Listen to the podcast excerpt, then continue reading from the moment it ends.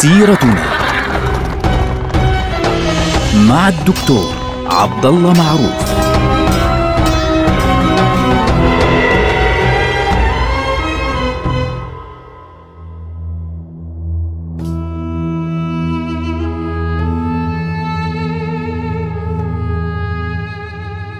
السلام عليكم ورحمة الله وبركاته. سيرتنا سيرة هذه الأمة العظيمة، ونحن الآن ندخل عهدا جديدا ستكون فيه الأمة الإسلامية أمام امتحان عظيم. إخواننا كل الحلقات الماضية وكل السير الماضية التي تكلمنا عنها سابقا من بداية عصر النفوذ التركي ثم النفوذ البويهي ثم النفوذ السلجوقي وتشتت وتشرذم الأمة ثم ظهور الخلافة الفاطمية في مصر الإسماعيلية ثم دخول الأمويين في الأندلس على الخط وظهور الخلافة الأموية الثانية التي سقطت ويعني تمزقت إلى ما يسمي بملوك الطوائف الأولى التي يعني بعد ذلك أدخلت كلها في حكم المرابطين. كل هذه الأحداث كان لابد من أن ندرسها ونسمعها ونفهم قصتها ليه عشان نفهم لماذا تمكن الصليبيون من احتلال بيت المقدس. كل هذه السنوات الطويلة ستأتي بنا إلى هذه اللحظة. هذا الهبوط الكبير للأمة. الآن ستدخل فيه الأمة في امتحان عظيم.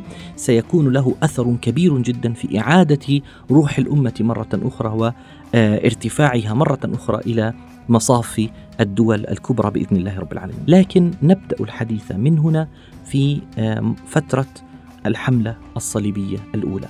الحروب الصليبية يا إخواننا يعني هي حملات كبرى عبارة عن موجات ضخمة أوروبا كلها تشجعت لها ويعني ضربت بها العالم الإسلامي وعددها كبير جدا على فكرة الحملات الصليبية. يعني مرت الأمة في فترة الحملات الصليبية بتقريبا تقريبا 150 إلى 200 سنة. هذه ال 150 إلى 200 سنة شهدت حملات على شكل أمواج تجتاح أوروبا وتضرب العالم الإسلامي من الجنود والتخطيط والضرب بشكل قوي جدا.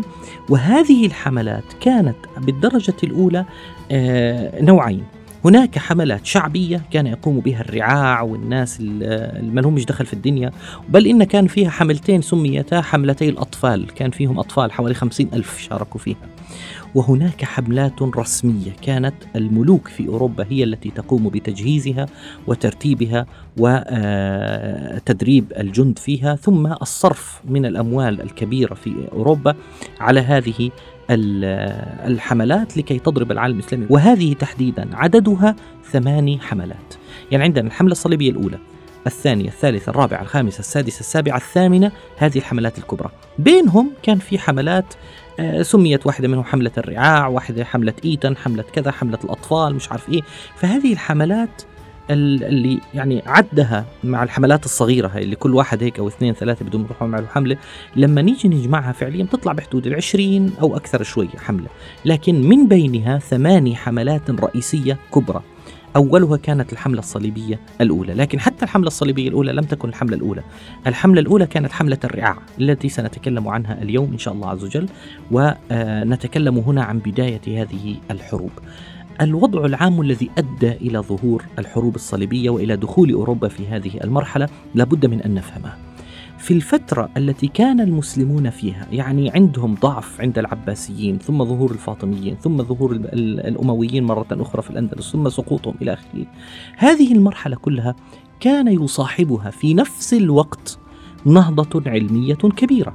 يعني المسلمين في ذلك الوقت بالرغم من الفوضى السياسية اللي موجودة وضعف السياسيين وانتشار المشاكل هنا وهناك لكن من الناحية العلمية كان المسلمون فعليا أقوياء من الناحية العلمية ومن الناحية ال- الرياضيات كان موجود بقوة علم الطب كان موجودا بقوة المكتبات كانت موجودة بقوة حركة الترجمة كانت موجودة بقوة. وبدأ المسلمون بعد أن يعني في العهد العباسي الأول بعد أن أخذوا العلوم وترجموها إلى العربية بدأوا هم ينتجوا العلم. يعني بدأوا يكملون ال- ال- ال- العلوم التي قام بها العالم الآخر. فكان علم الطب على سبيل المثال متقدما جدا عند المسلمين في ذلك الوقت. بينما أوروبا كانت في ذلك الوقت مختلفة تماما. كانت أوروبا تغرق في عصر سمي عصر الظلام عصور الظلام التي يعني موجودة إلى اليوم بيسموها The Dark Ages. هذا العصر فعليا اللي هو عصر الظلام في أوروبا كان آه، فكرته الأساسية سيطرة رجال الدين على أمور الحكم وعلى أمور العامة وعلى أمورهم الدينية يعني على الدين والدنيا بين قوسين وافقار الناس واستغلال الناس فعليا لناحية الحكام ثم الحروب الداخلية والمجاعات والجهل الذي كان ينتشر في أوروبا.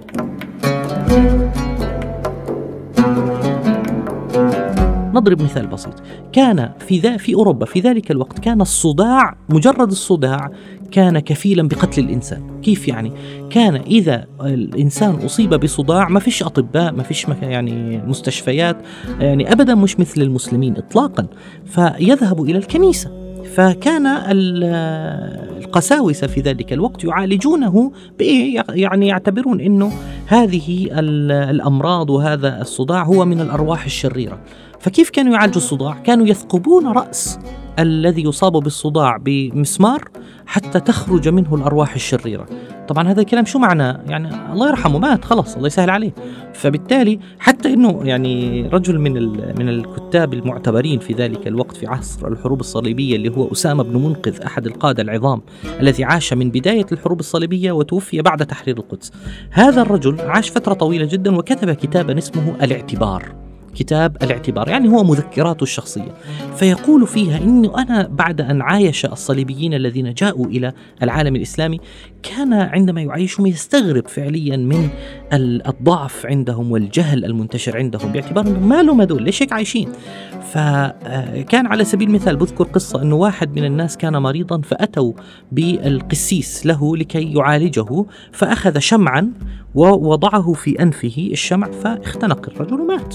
مع السلامة فقالوا له مات الرجل. قال نعم يعني عرفت أنه سيموت. ليه؟ لأنه فيه أرواح شريرة يعني وعرفت أنه لا يمكن أن ينجو فسددت أنفه بالشمع المقدس حتى يموت ويرتاح. يا لطيف إلى هذه الدرجة كانت أوروبا تغرق في ذلك الوقت في الظلام.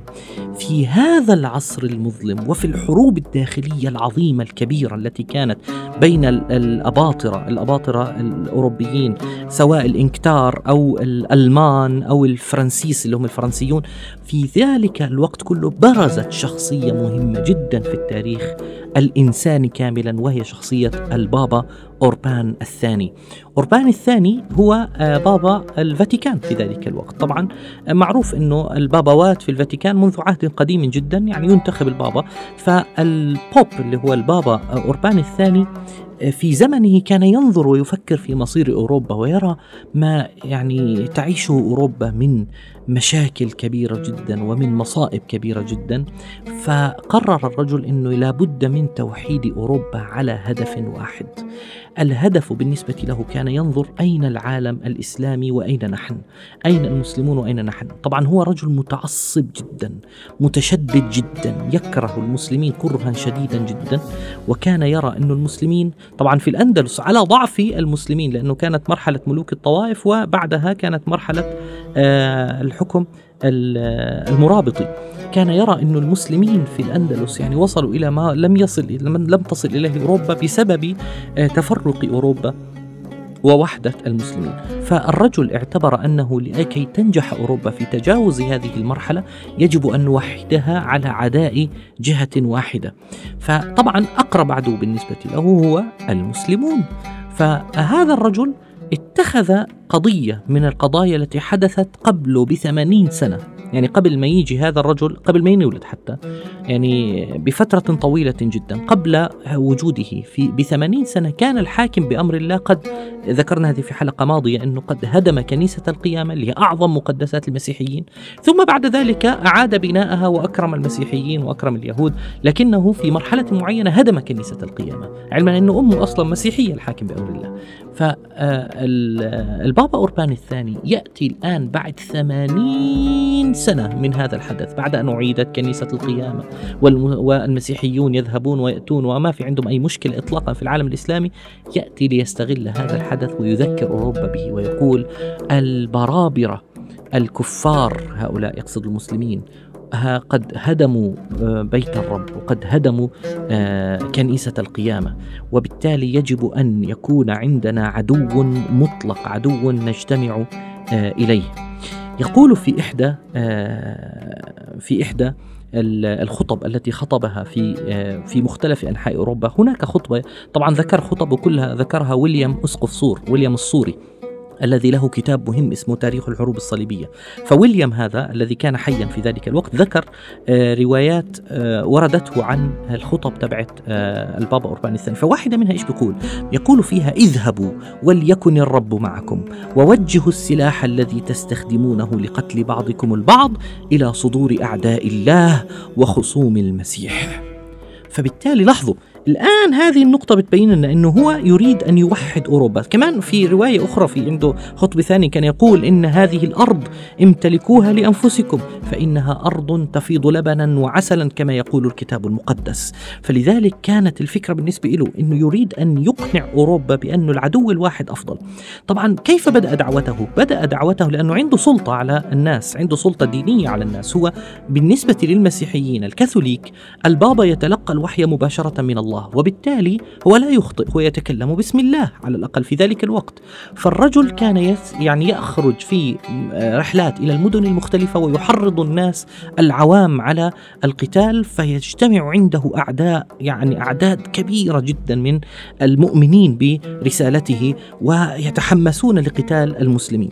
وحتى إنه اتخذ قرارا فعليا بأنه آه، قال من كان من المسيحيين صادقا حمل السلاح لقتال هؤلاء البرابرة الكفار يقصد المسلمين فستغفر خطايا خطاياه. انتهى الموضوع. يعني أعطاهم صك غفران وأي واحد مديون يخرج إلى قتال الكفار اللي هم المسلمين يعني آه يعني سيغفر له تماما وسيسامح في دينه. فهذا الأمر أدى إلى خروج عدد هائل من الفلاحين والفقراء وأصحاب الجرائم وغيره.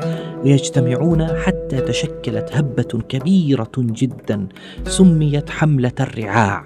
هذه الحملة من الناس المهووسين فعليا بالخطاب الديني الذي كان يمثله البابا أوربان الثاني اقتحمت أراضي أوروبا من الألف إلى الياء وبدأت تتحرك عبر أوروبا مثل الموجة الضخمة من عشرات الآلاف يتحركون من قرية إلى قرية فينهبون أوروبا ينهبون القرى ويحرقونها ويدمرونها.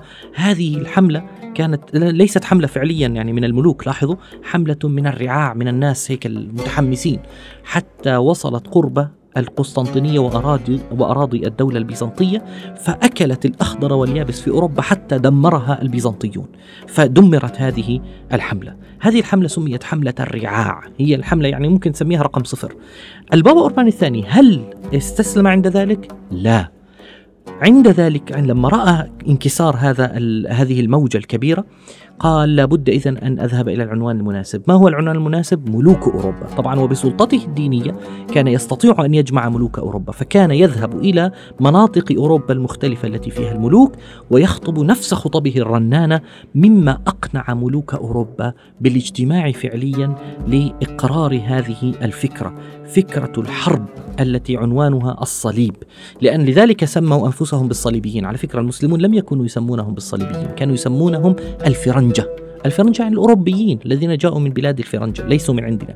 لكن هم أطلقوا على أنفسهم اسم الصليبيون وسموا وضعوا الصليب شعارا لهم لذلك كانوا يسمون أنفسهم الصليبيين. من هنا تأتي كلمة كروسيد. كروسيد يعني حملة نبيلة لأن الصليب اتخذ شعارا فعليا لهذه الحملات لأنه يحمل بالنسبة للمسيحيين رمز العطاء لأن المسيح مات على الصليب حسب آه، رؤية المسيحيين وبالتالي قدم أغلى ما يملك حياته لأجل البشرية. فهم هم بالتالي يذهبون في يعني يقدمون أغلى ما يملكون لصالح البشرية والمسيحية ولصالح المسيح. يعني هي تماثل عندهم كلمة صليبي أو حملة صليبية تماثل عندهم كلمة مجاهد أو جهاد عند المسلمين. هكذا سيبدأ الآن التحضير للحملة الصليبية الأولى الرسمية. نلقاكم على خير. والسلام عليكم ورحمة الله وبركاته.